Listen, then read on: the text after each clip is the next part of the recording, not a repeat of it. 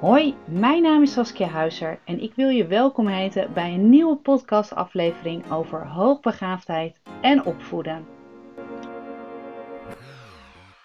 Wat leuk dat je bij een nieuwe podcast bent rondom hoogbegaafdheid en opvoeden. En vandaag heb ik een, ja, een onderdeel wat volgens mij heel veel voorkomt. Uh, wat, wat je heel vaak ziet ook bij hoogbegaafde kinderen, maar niet alleen bij hoogbegaafde kinderen en volwassenen trouwens ook, uh, maar denk ik wel bij heel veel mensen. En dat is eigenlijk dat je iets niet kan. En ja, als jij misschien nu nadenkt, denk je, ja, ik kan dat echt niet. Of um, ik heb iets nog nooit gekund. Misschien dat je dat wel denkt, maar misschien herken je het ook wel bij je kind. En dat is vaak zo, um, dat als je iets niet, ja, iets niet lukt, dat je het dan ook eigenlijk niet meer wil doen. En ik herken dat ook wel bij mezelf. Ik had heel lang iets van, ik kan niet goed schrijven. Um, terwijl ik, ik, kan heel goed praten en denken over dingen. Maar schrijven om echt goede zinnen te, te maken, ja, dat vind ik gewoon echt wel, vond ik altijd een hele lange tijd vond ik dat lastig. En ik denk dat ooit eens een keer een leerkracht of een docent tegen mij heeft gezegd, Saskia, wat je nu opschrijft, ik begrijp het niet. En op een gegeven moment denk ik, ja, ik kan wel tegen mezelf blijven zeggen dat ik iets niet kan, maar dat helpt mij niet. Dus ik ben het uiteindelijk anders gaan verwoorden dat ik iets nog niet kan. Dus ik kan het nog niet. En ik ben heel benieuwd of je zelf dat wel eens zegt. Als je heel eerlijk naar jezelf kijkt, gebruik je wel eens het woord nog. En hoe zit dat bij jouw kind? Of misschien die leerling in jouw groep? Zegt die ook heel snel: Ik kan het niet, mama of papa. Of um, het, het lukt me niet, ik stop ermee. En dat is vaak een manier van denken. Ik kan het niet, stop, het is klaar, ik hou erover op en einde verhaal. Alleen, we weten ook dat je daarmee niet verder kunt komen. Het gaat je uiteindelijk niet helpen om uiteindelijk te gaan proberen om misschien je kennis te verbreden of om je comfortzone wat te vergroten. En dat werkt natuurlijk niet. Maar als ik kijk naar bijna alle hoogbegaafde kinderen die ik begeleid, wordt echt deze zin, ik kan het niet, wordt echt het meeste gezegd. En ik vroeg je net al, misschien herken je dit bij je eigen kind of bij de leerling in je groep. Um, maar misschien herken je het dus ook bij jezelf. En ik gaf net al aan dat ik me er ook op betrapte. En dat zeg ik voornamelijk als ik iets spannend vind. Um, dat kan nog steeds zijn als ik opeens uh, voor een groep mensen moet spreken. Dan denk ik in eerste instantie: nee, ik kan het niet. Nee, ik doe het niet. Ik, ik, nee, hou op. En ik krijg soms ook wel eens hele mooie opdrachten van grote schoolbesturen. Van Saskia, wil je dat? En in eerste instantie, dat zeg ik natuurlijk niet tegen de opdrachtgever, maar denk ik: nee, dit ga ik niet doen. Echt niet. Maar naarmate ik er langer over nadenk, denk ik, ja, maar Saskia, je vindt het geweldig. Je wordt er eigenlijk enthousiast van, maar er is een soort conflict gaande in je hoofd, waardoor je denkt, hé, hey, wat is dit? Wat, wat, hoe moet ik dit doen? Nou, en dat is iets wat ik steeds meer probeer te doorbreken en wat me ook echt steeds gemakkelijker afgaat. Ik uh, heb zoiets, ik ga ervoor, ik doe het, het lukt me. En als het me niet lukt, dan maar niet.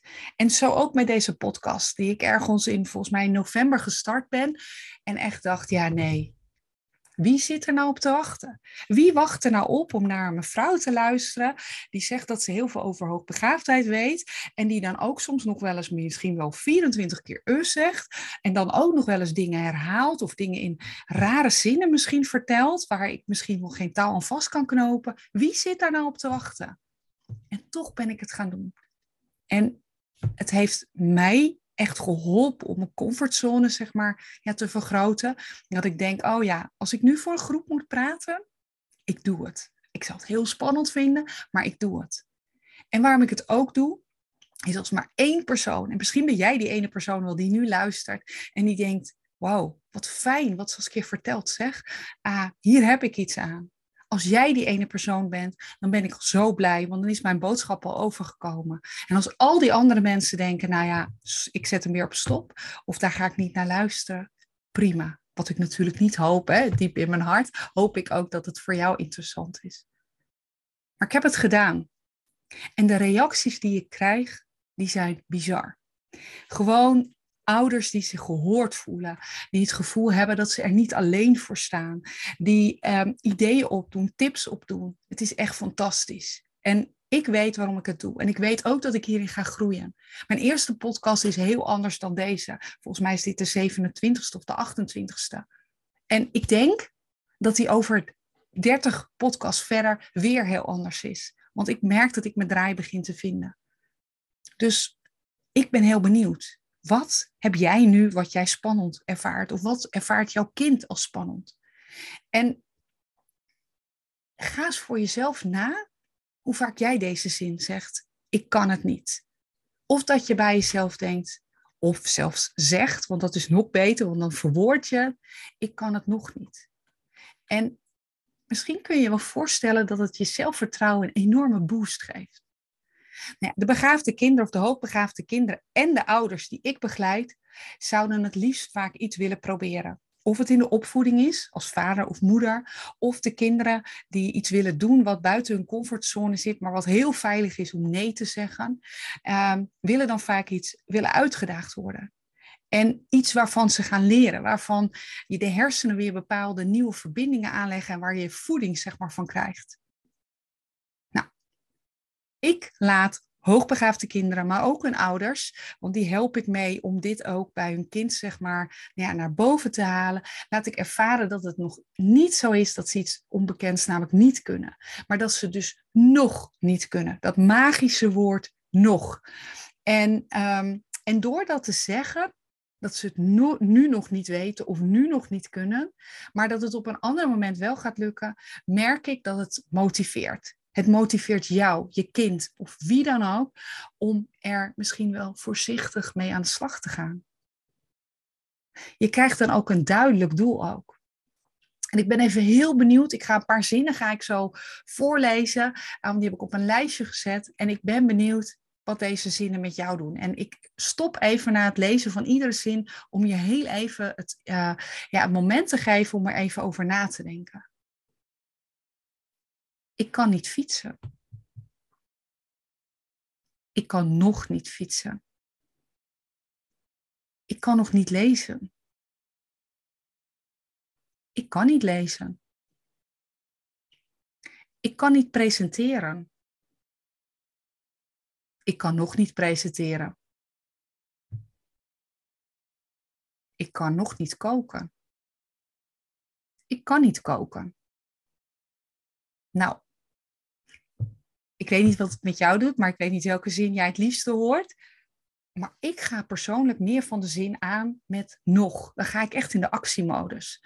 Als ik dat hoor, uh, net als ik net vertelde dat ik schrijven, dat ik daar echt dat soms best wel ja, voor mezelf moeilijk maak, denk ik nee. Zoals kijk, je kan het misschien nog niet, maar je bent zo aan het oefenen en het gaat je gewoon lukken. En ondertussen schrijf ik blogs en ik, schrijf, ik post vaak. En daarin schrijf ik gewoon mijn verhaal. En ik heb een e-book gemaakt waar ik enorm goede reacties op krijg van ouders die zeggen: Oh, wat fijn om dit te lezen over misschien mijn ja, vermoedelijk hoogbegaafde kind. Dus, ik wil jou uitdagen.